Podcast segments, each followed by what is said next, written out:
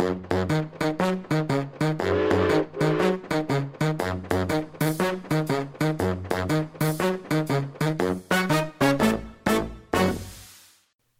har jeg den utsøkte glede å ønske alle lytterne velkommen igjen til neste episode i podkasten Ekspedert. En podkast fra museet her i Narvik, der vi ønsker å formidle gode historier fra hele Ofoten. Som sagt så jeg starter sendingen i dag fra museet i Narvik i Administrasjonsveien. Vi har et fantastisk flott tema vi skal prate om i dag. Mye trollskap. Vi skal prate litt om jævla underjordiske som har hatt sine reiser her i Ofoten. Og i studio her i dag så har vi ingen ringere enn han Øystein Gravrok på besøk. Velkommen til oss, Øystein. Takk skal du ha. Du eh, driver mye med fortellinger og eh, jobber en del med fortellertradisjoner og skrevet en del bøker, har du gjort. og eh, Vi vil gjerne snakke litt om de her tingene du har holdt på med. Takk for det. Veldig hyggelig det, Øystein. Vi har ei bok liggende foran oss her som vi kommer til å legge ut en del bilder ut av på Instagram. Det er ei bok som du har skrevet for ca. 20 år siden. 'Bare trollskap' heter den boka, i lag med han Carl Gustav Gjertsen, som har laga en del tegninger og skisser til denne boka her. Ja, det stemmer det. det akkurat nå er det 20-årsjubileum for eh, denne uh, boka, som ble en liten artig sak, da. Som uh, egentlig var et Starta med et Litt før det. det ja, hvis jeg skal egentlig ta hele historien, da, og det kan vi jo gjøre siden dette er et historieprogram Jeg var på feltarbeid med, på Grønland i 1992. Og eh, jeg jobba med geografi. Jeg skulle skrive en hovedfagsoppgave i geografi og var der noen måneder. Og da var det naturlig at eh, jeg intervjua de gamle fangstfolka der. Og de her eh, fangstfolkene sa at ja, de skulle gjerne prate litt eh, om både fangst og eh, fortelling og sånt. Men eh, før de dykka ned i det, da, så vil de gjerne at jeg fortalte noen fortellinger fra min plass, fra Narvik og Ofoten. Og jeg tenkte tja, hva jeg kan om det? Og jeg begynte å grave litt. Jeg kan litt om Framneskjempen. Jeg kan litt om eh, Sølvstein, kanskje, ute i Veglandet. Vegglandet. Og så slang jeg på litt sånn her Asbjørnsen og Mo og litt av de her skal jeg si, søringfortellingene som eh, jeg kunne litt om fra skolen. Men eh, jeg kunne egentlig ikke mye, så jeg var litt, litt sånn flau da. Men jeg fikk nå gjort det her feltarbeidet og kom hjem til eh, Norge og Narvik og fikk meg nå jobb her. Og en av de jobbene jeg fikk her i Narvik, var jo i Ofotsenstidene. Og Ofotsenstidene var jo eh, veldig opptatt av, eh, av mye fortellinger. Og eh, vi hadde først en runde med Vi intervjua fjellfolk, eh, som vi hadde flere reportasjer om. Og de her fjellfolkene som rundt om i Ofoten de hadde også noen fortellinger utenom de her fjellhistoriene. De hadde også litt sånne artige fortellinger om kanskje troll, det kunne være litt huldra og litt sang. Så fant vi ut i Ofotstidene at vi kanskje vi skulle lage en liten greie rundt det. Så da kakka jeg meg på lag med Carl Gustav Gjertsen, som begynte å illustrere de her fortellingene. Så vi hadde 20-25 fortellinger om eh, ja, trollskap, djevelskap, eh, det folk vil kalle for eventyr, men som betydde noe for de her folkene vi får intervjua. Vi får rundt i eh, biler, vi får rundt eh, og gravde litt her på Ofoten museum, ikke minst det, som også var ei gullgruve av fortellinger som var skrevet ned. Eh, noen er litt sånn vanskelige å tyde, men, eh, men eh, også noen bøker som var gitt ut. Og her var det kanskje særlig tre stykker fra Ofoten-området som jeg, jeg ville men jeg har veldig eh, Før vi forlater Grønland her, du sier at du studerte geografi, og så begynner du å eh, fortelle røverhistorie. Eh, hvor på Grønland var du henne? Jeg var på Nordvest-Grønland. altså Hvis folk er kjent på Grønland, så er det noe som heter Diskobukta. Og eh, hovedplassen innenfor disko her er Ilulissat. Og eh, Ilulissata, som for øvrig betyr da eh, folket som bor ved de store isfjellene eh, det her området som isfjellene som Titanic for øvrig kolliderte med, i, i sin tid, og som starta med at isbreen forsvant ut på det området der. Og det her folket her er da, foruten å være, holde fangsttradisjonene i hevd, bl.a. å fortsatt drive med hundekjøring og drive med kanopadling, som var en del av det jeg skulle se på, jeg er også veldig opptatt av uh, fortelling og historie. Så det her var på en måte bensin i, i, litt av det her eh, prosjektet som senere ble denne boka. Du har jo allerede eh, røpa dine eh, språkkunnskaper på grønlandske språk. Var det, kunne du kommunisere med grønlenderne på eh, på deres språk? Eller hvordan foregikk eh, samtalene dere imellom? Ja, Det er litt artig du spør om. fordi at eh, når jeg kom opp dit som eh, litt eh, naiv, litt uerfaren Jeg hadde jo For det første ble jeg henta på flyplassen med hundeslede. Det var litt rart. Og eh, jeg hadde litt vanskelig for, for, å få plass å bo. Alt var egentlig ganske mye vanskelig i starten. Jeg bodde i brakka og ble oppfatta som en, kanskje en vanlig dansk arbeider. Jeg måtte ordne meg en tolk og, eh, for jeg skulle helt tatt bli forstått og gjøre de intervjuene. Men etter ei stund så ble han litt omveier invitert med på en liten sånn her uh, jakttur. da. Og, uh, og, mye rype, og det er mye vilt på Grønland. og De peka på noen rype og ga meg et gevær. og jeg heiv opp geværet. Jeg er ikke noe spesielt god jeger, men jeg traff nå de her uh, rypene. Og da med ett begynte de å prate dansk til meg alle sammen. Så da var det over og ut med tolken. Han kunne reise hjem, da, eh, tolken? tolken kunne reise hjem, da. Uh, det var uh, litt artig, det, da. For da var det også en, sånn, en port inn til litt fortellinger og de, egentlig det arbeidet jeg skulle gjøre der oppe. Da fikk du tilgang til. Så, så det her lille jakthistoria og at jeg visste at jeg ikke var jobba i Greenpeace, som jeg mistenkte meg før da, med mitt lange hår jeg hadde på den tida. Så det, det gjorde at nå jeg fikk en, på en måte en sånn port inn i, både fortellerverden og det her prosjektet jeg skulle gjennomføre. Ja, just. Og uh, du fikk uh, ut av dem en del ut av de historiene du ønska å få tak i? Ja da, og uh, noe av det her arbeidet ble gjort da på Vi satt på hundesleder og gjorde opptak i 25 minus, som var et prosjekt i seg sjøl, og vi noterte ned. Jeg sier nå vi, da, men var, jeg var nå mye alene der. Og det her er ikke helt ulikt det vi gjorde. Jeg og Carl Gustav vi kjørte rundt i eh, en liten folkevogn rundt i eh, både i Ballangen og eh, i, i, Bjerkvik og også i, i, Evenes da, for å snakke med de her folkene som vi danna grunnlaget for denne eh, fortellingen og sang fra, fra Ofoten. da. Ja, ikke sant? Og uh, du måtte kvittere ut med egne historier som du uh, hadde hjemmefra. Ja, det, var, det er flere paralleller her. Du, de her, når vi snakker om de her um, fortellingene fra Ofoten som har litt sånn her trollskap i seg og litt sånn her eventyrmessig, så er det ikke automatikk at folk har lyst til å fortelle om det. For den kan bli oppfatta som noen raringer, eller hvem er jeg som kommer hit og sier at jobber i Ofotens Tidende og skal lage noen reportasje. Så man må gi litt av seg sjøl, og man må ha litt eh, Vise at, eh, at man er genuint både interessert i det og, eh, og tar dem på alvor.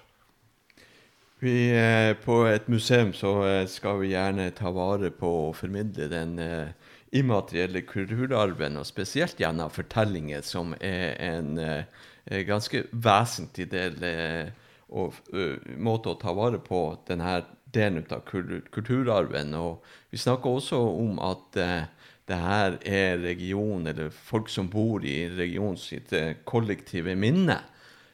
Hvordan, hvordan, kan en fortelling ivareta det kollektive minnet til folk som bor i en region? Ja, det, Fortellingen som sådan er jo interessant. da, for vi har jo hatt fortellinger selvsagt til alle tider. Og um, fortellinger her i Ofoten, da Jeg har kanskje lyst til å begynne med, med, med noen av de her uh, litterære størrelsene som, som har uh, vært med og beskrevet Ofoten. For at når jeg begynte det prosjektet, så måtte jeg jo lese meg litt opp. Uh, selv om geografi er et mangslunken fag, så var det ikke akkurat de her fortellingene som var sto sentralt. Så jeg begynte å kikke litt, og bl.a. vår Narvik-forfatter, eller vi må si Ofot-forfatter, fra, fra, fra Seines, Andreas Markusson, han skriver jo at Ofoten er kjent for sild, østavind og ikke minst trollskap. Eh, og det gir jo på en måte et lite signal om at her er det en spesiell fortellertradisjon. Og hvis du dukker ned og ser på eh, både geografien, som er, som er ganske raus her, med store fjell og eh, et uh, havområde som er røft. Og i tillegg er møtet mellom samisk, uh, kvensk og norsk kultur. Og du kan hi på denne gruekulturen med selvsagt både tyske og, og engelske arbeidere oppover her. Så er det et, en smeltedigel for denne fortellertradisjonen som har egentlig vart i hundrevis av år. Og den gir jo retninger på folks atferd, hvordan man skal oppføre seg. hvordan eh, Man skulle ikke være for grådig. Man skulle ikke eh, drive og eh, tulle med f.eks. Eh, religion. Jeg kan trekke frem da, i, i sånn sammenheng de her underjordiske, som eh, er mange gode historier på i, eh, i Ofoten. da. Altså, hvis du da lot være å døpe ungen din, så kunne ungen bli tatt av eh, de underjordiske, og de la inn en bytting istedenfor. Eh, det samme med hvis du var for grådig og opptatt av eh, gull og, og, og, grønne skoger, så, så, var, så, kunne du fort bli tatt inn i huldreheimen og forsvinne der og være stum for, for evig. Så det, det, det er flere du, sånne. Jeg må bryte deg av litt, Øystein. Du sier bytting. Hva i all verdens navn er en bytting for noe? Ja, Bytting er jo et ord som er jo et, egentlig et flott ord da, som vi vi bruker egentlig i dag òg, kanskje uten å helt for, forstå hva hva det, er for noe. Men en bytting var jo en, en det underjordiske som uh, du, du vet, vesener som lever under jorda, da, som er, du ikke skal drive og tulle med. Som er en sånn djevellignende figur som du, du finner i, i, i, små sprekker og i grotter. Og hvis du da ikke hadde døpt ungene dine eller hadde oppført deg moralsk riktig og eh, hadde fått et navn kjapt nok på ungene dine, så kunne de bli bytta ut. Og de kunne legge inn en unge med hareskår, de kunne legge en unge som var kanskje ikke akkurat som alle andre. Og det her ble da forklart som at de underjordiske hadde vært og bytta eh, ungene ut mot eh, Og tatt dine unger og lagt noen trolske unger tilbake igjen i, i vugga. da.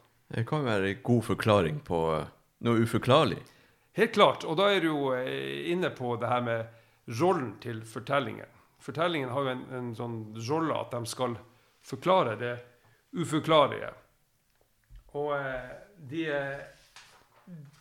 de skulle jo Vi er jo i ei tid her da når, når verken Nav eller trygdesystemer fantes, og ei fortelling kunne da være med å forklare hvorfor det gikk galt ute på sjøen. Hvorfor han forsvant. Hvorfor, hvorfor det gikk dårlig med folk. Eller også hvorfor det gikk godt med folk. Du nevner Andreas Markussen. Det er komme forbi når det gjelder historiefortellinger fra Ofoten. Jeg er en del av kan vi si, jobber med identitetsbygging og tilhørighet og nasjonalbygging, er de her historiene og fortellingen med på å bygge opp under eh, folks identitetsbevissthet? Ja, helt klart. Eh, det har jeg et inntrykk ut av. Og eh, det ene er at når du ser litt på, på litteraturen sånn altså den, den, den, skjer jo ikke i et vakuum, da. Det er jo den, den nordnorske litteraturen som er skrevet om det her, og den litteraturen som kommer sørfra, Eh, er litt forskjellig på den måten at eh, eh, den nordnorske litteraturen, som bl.a. med utgangspunkt i, i Tromsø museum, den forklarer ganske tydelig at folk de skal ta alvorlig. De trodde på det her. Det var en del av dagliglivet deres. Mens noe av den her utenfrablikket sørfra har en litt annen tilnærming. At det her er Ja, trodde de nå egentlig på det her? eh, var det så viktig for folk. Og, eh, så, så, det er en, en, nyanse som er interessant. Det andre er jo, hvis vi ser på Ofot-området, så er det jo noen bauter her som er viktig å trekke frem. Altså, særlig tre stykker som har uh, vært viktig. Og i denne, uh, Å samle inn i, slutten av 1800, begynnelsen av, av 1900-tallet Altså Henrik Kvandal fra uh, Ballangen, Johan Veding, Tysfjord og Just Kvikstad, som reiste i dette området, som da senere jobba på Tromsø museum. de her skrev ned, ga ut eh, noen skrifter. Noen skrifter ble ikke gitt ut. Og sånn som Kvandal sine skrifter, som noe er gitt ut, og noe ligger igjen her på, eh, på Ofoten museum, som gjerne kunne vært eh, dukka mer ned i, er, er viktige, viktige, fortellere som, som egentlig vi står på skuldrene til når vi lager de her reportasjene. Det, for å reklamere litt for museet, så er det en av hovedintensjonene til eh, podkasten Ekspedert å dukke litt dypere inn i de fortellingene som eh, er arkivert her på museet, og få dem frem og få dem kringkasta til eh, alle som har lyst til å høre på. Du nevnte at Ofoten er full av sild og austavind og trollskap. Austavind kjenner vi godt til over Medby, og de har ødeleggelsene den har gjort der, bl.a. i fiskeflåte som, eh, som blåste i land. Og det, det omkom en del fiskere i, i, den stormen der. Silda er det noen år siden jeg har vært inne i Ofoten. og eh, Østavind den klarer vi også å bygge hus for å holde varmen. Så det er bare trollskapen igjen. Det er bare trollskapen igjen, ja. Så eh, og, og kan vi si, i, Jeg har sett på en del kart som vi har over Nord-Norge, og når de første kartene ble tegna fra uh, Europa og videre ut, spesielt i, i de nordlige områdene, uh, er det ting der man kan hente noe trollskap ut av for å dokumentere at det, det er faktisk en del gode fortellinger som har med litt eh, okkult å gjøre. Ja, det er jo det. Hvis vi ser Når man begynte å tegne litt kart, så er vi jo eh, i tid rundt sånn 1500-tallet. Eller de kartene du tenker på der man med, som er, er full av uh, gode illustrasjoner. Det er jo, kart har jo vært tegna i, i, lengre tid, selvsagt. Men det skjer noe interessant rundt reformasjonen. Eh, da hadde kirka behov for å befeste sin stilling og man eh, tegna kart der man også fikk frem eh, djevelskapen, og man fikk frem det gode og det onde. Og for Ofoten så er jo et kart som man kan ta utgangspunkt i. Det er Carta Marina fra sånn 1530 eh, som eh, ble tegna. Og én ting er at det er veldig rikt illustrert på havet, men går man inn i Innlandet, så finner man jo en sånn her eh, figur som er blanding mellom menneske og, og, og jævel, som er plassert akkurat i Ofoten. Og det harmonerer jo godt med de her uh, senere fortellingene at uh, i, særlig i Ofoten så var det mye styggedom eh, som å, å, å, finne. da. Og det her har på en måte blitt reprodusert flere ganger. Så det viser jo at de her fortellingene fra Ofoten egentlig ikke har vært i noe vakuum. Det har vært en forståelse at her var det mye fortellinger knytta til den dramatiske naturen, og som jeg var inne på i sted, her møtet mellom flere kulturer. Eh, det litt interessante som du snakka om i sted, det her materielle, ikke-materielle For egentlig skal jo fortellinger foregå i hodet, og mens den fortelleren sjøl skal på en måte være den som utvikler den videre og forteller med sine ord men med de kartene og beskrivelsene så begynner man allerede å lage noen tegninger av de her eh, trollene og de her eh, sjømonstrene. og danne noen bilder av hvordan de skal se ut. Og ikke rent ulikt sånn djevelfigurer man finner i, i Bibelen. da. I begynnelsen av programmet så påstår du at du har studert geografi. og Du har snakka en del om eh, naturen og de dramatiske fjellene vi har eh, her i Nord-Norge, og spesielt i Ofoten. Vi har jo mange artige navn på fjellene. Er de fjellene som vi har rundt oss, eh, eh, kan, man si altså, der vi har dramatisk natur i omgivelsene, vil fortellingen bli påvirka av den naturen vi lever i?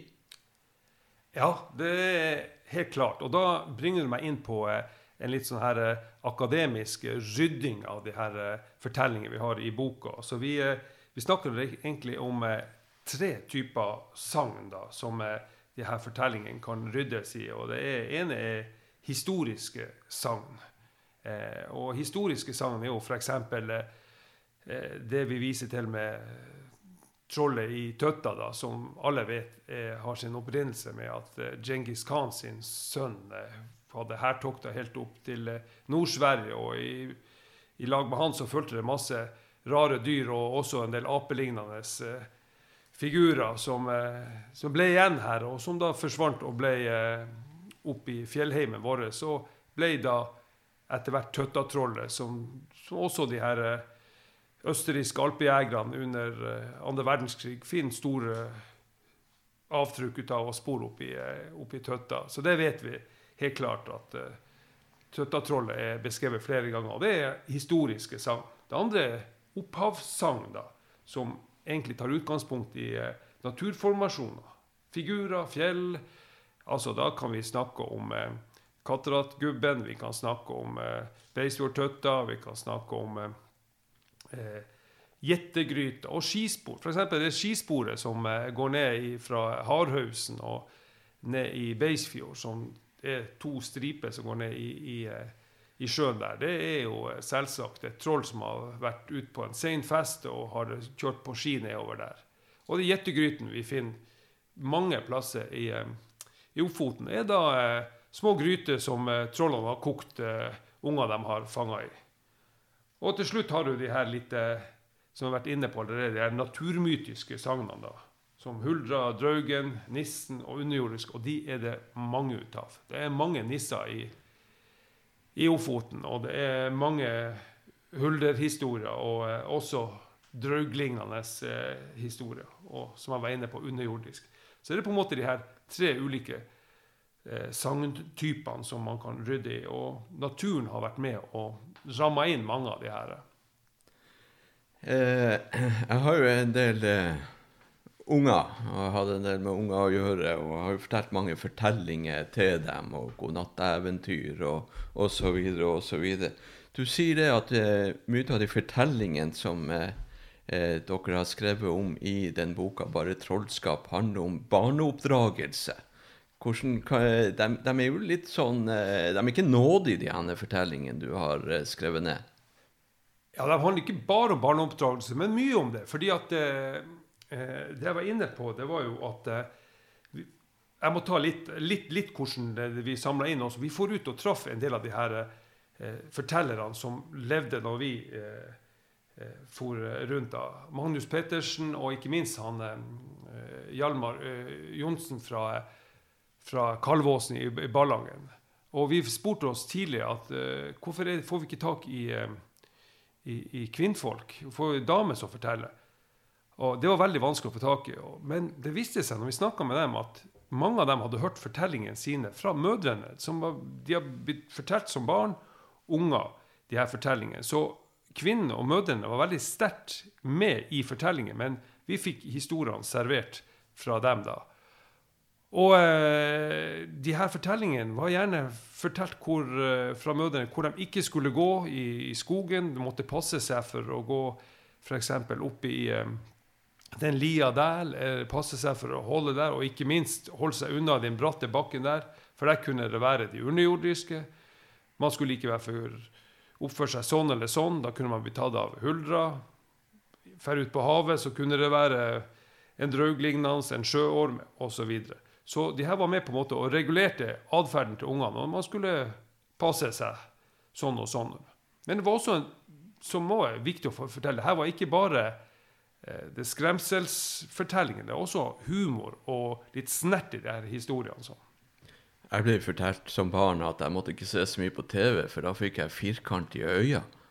Ja, og, det, og, det, er egentlig et, et, godt eksempel på at eh, historiefortellingen har bare fortsatt å leve videre, men i andre former. Så det er litt av de, de samme fortellergrepene som var brukt da som nå, bare litt, litt annen tid. Du, eh, i den boka di, eh, er det noen eh, historier eller fortellinger der som du er spesielt glad i? Ja, de jo, mange av dem er jo artige, og mange av dem er jo, er jo fine å, å, å, trekke frem.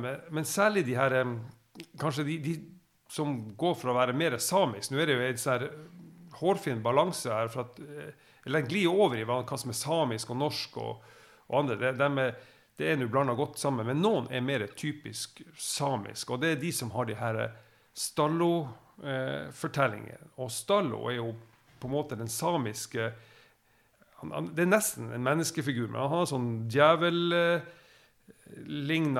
uh, utseende, blir han beskrevet som. Og kanskje en litt sånn norsk embetsmann, djevel, litt ondsinna, eh, naiv, grådig person da, som skal prøve å lure eh, samiske Særlig unger, da, finner vi igjen. Og det kan være et eksempel på en sånn barneoppdragelsesfortelling. Eh, vi må la lytterne få, eh, få, et eh, lite eh, Få høre litt fra eh, boka. Hva er det slags eh, fortelling du har lyst til å lese? Jo, jeg kan ta et eksempel her på han gutten som skulle steikes. Og Det er en historie som har en hundreårshistorie siden han ble tegna ned. Og Den er da fra Tysfjordområdet og handler om han Stallo som fikk fatt på en gutt som han skulle plassert i en gamme for seg sjøl, med den grunn at han skulle feite han opp slik han ble skikkelig spiselig. For Poenget var jo å spise han da. Og eh, Det var hull i veggen som han Stallo hadde laga for at gutten skulle stikke fingeren gjennom, slik at han kunne følge med når gutten ble feitere av all maten. Så han drev og matet han og mata så han ble feitere og feitere. Og Etter en tid ba han Stallo gutten å stikke fingeren ut av ham. Og han gutten stakk imidlertid et lite bein frem gjennom hullet. Og Stallo skar i det, så hun så at han ikke blitt noe særlig feitere. Enda han matet han og matet han. Og han Stallon bare økte på med mat til at gutten satt der, som satt der i gammen sin. Og etter noen dager så han en gang etter om gutten var blitt enda feitere. Og gutten han stakk på nytt igjen en spiker i hullet. Og, og her fortsatte han med i dag etter dag. Og han så gutten, han la ikke på seg i hele tatt. Og når han var lei av å vente på at gutten blir feit, så han eh, ba at nå måtte kona gjøre klar at han skulle steke gutten uansett. Sånn som han var, sjøl om han ikke har blitt skikkelig feit. Og eh, han Stallo han gjorde klart til eh, å lage, invitere vennene sine på eh, på middag, så han for ut og henta inn venner og kjente som han skulle hatt på festmiddag for denne gutten, som ikke var blitt riktig feit nok, men ete skulle han gjøre. Så hun, kona gjorde opp ild, så han skulle eh, ha han gutten stekt ferdig når han kom tilbake med gjestene. Så hun laga et eh, apparatur med hjul på, og så ei lita skuffe. Og her la hun eh, gutten oppi for å prøve å få han inn til han skulle bli stekt. Og eh, hun prøvde frem og tilbake, og han sa til guttene nå må du ligge helt stille, så skal jeg skyve deg inn i, i varmen. Og han gutten han var litt lur, og han la seg i skuffa. og Hun begynte å skubbe han inn i den varme ovnen. Med ett spratt gutten opp og fortalte at ja, jeg tror ikke jeg ligger helt rett i den strikkeskuffa. Så sa hun til Stalo sin kone eh, kan ikke du vise meg hvordan jeg skal ligge i denne eh, steikeovnen? Så kan du prøve du også, så skal jeg ta og legge meg oppi etterpå. Og hun, eh, Stallo-kona hun skifta plass og la seg opp i eh, skuffa. Og visste gutten ja, sånn her skal du ligge. Og med det samme hun la seg opp i skuffa, så skjøv han her lille samegutten hun stallokona rett inn i ovnen. Og eh, hun ble stekt med det samme. Og når han Stallo kom hjem og skulle ha fest, så så han at på bordet lå den stekte kona til han Stallo, og hele middagen ble avlyst. Og han gutten han sprang av gårde og var like fin som før. Snipp, snapp. Snipp, snapp. Fantastisk. Takk skal du ha, Øystein. Det var også forfatteren sjøl som leste fra boka si 'Bare trollskap'. Eh, den boka er jo selvfølgelig lagt ut på Nasjonalbiblioteket sine hjemmesider. Dere kan finne den. Den er illustrert en, eh, av han Carl Gustav Gjertsen med noen helt fantastiske eh, illustrasjoner, som også går an å finne der. Vi legger også ut en del av de illustrasjonene på Instagram-kontoen vår, som da heter Ekspedert, så du kan finne den der. Veldig bra, Øystein. Eh, vi skal begynne å runde av eh, for i dag. Og jeg håper at lytterne har fått en eh, litt sånn inntrykk ut av hva slags kulturskatter som fins eh, eh, her i Ofoten. Eh, og hvis vi graver oss godt ned på i museene sine kilder, så er det mye snacks å finne tak i. Du, Øystein, i forhold til fortellertradisjoner, så er vi et landstrakt land fra eh, nord til sør. Eh, har du inntrykk av at det er noe forskjell på de fortellingene la oss si, mellom Nord-Norge og Sør-Norge? Ja, det, det, ene som jeg var inne på i sted, er jo at det her med å ta fortellerne alvorlig altså Trodde de på det her? Og var, det egentlig noe, noe de Noe mer enn bare fortelling, så, så, så syns jeg jo at at de nordnorske eh, fortellingene skrevet av folk her nordfra eh, tar fortellerne og fortellingen litt mer alvorlig, rett og slett. Og det andre er jo at eh, så vi både ser på de kartene og beskrivelsene, det er jo at jo lenger nord du kommer, jo mer øker faenskapen, for å si det sånn, trollskapen. Eh, og så gjør den jo et særlig stopp i Ofoten her. At eh, både lenge, litt lenger nord og litt lenger sør, så har du litt, litt, kanskje litt mildere fortellinger. Men jeg lever nå i den villfarelsen og tror at denne dramatiske naturen med tagger og høye fjell og tinner, som vi så herlig å ha her i, i Ofoten, har vært med også å skape de her trollene og mystikken. Men også fordi det var en Det her avspeiler jo også at det var tøft å drive jordbruk og fiske her. og og dramatiske fortellinger forteller også om et dramatisk liv og eh, et slitsomt liv. Og eh, med stor risiko. Det var farefulle dager. Og man måtte passe på. Så de her fortellingene, som er også et sånn sikkerhetsnett for det livet man levde, er viktig å ha med seg. Og så blir jeg jo òg veldig glad for å høre at en del ungdommer har tatt vare på en del av fortellingen i kjølvannet av boka kom, så for vi rundt og fortalte litt på, eh, på, barneskolen. Og vi hadde med oss de her litt plakatene av de her fortellingene. og um, Ungene satt helt lydhøre og, og, hørte på. Så eh, for de som tror at eh, fortellinga er død, og at folk ikke kan høre etter, så er det bare tull. Den lever fortsatt. og Den gode historien, den gode fortellinga, eh, den lever fortsatt. Man legger ifra og trekker til. og kjøre på. Det er, den er viktig. Og vi skal gjøre så godt vi kan for å ivareta fortellerkunsten og eh, viderebringe den til eh, eh, ørene til alle lytterne på podkasten vår. Vi skal si oss ferdig ekspedert til han Øystein Gravrok, som har vært så eh, hyggelig og flott å ta turen innom studioet vårt i dag. Tusen takk skal du ha, Øystein. Takk, takk, takk. Veldig godt å få komme hit.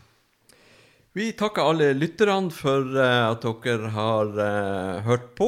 Vi uh, kommer tilbake med flere sendinger, flere spennende fortellinger fra podkasten Ekspedert. Takk for nå.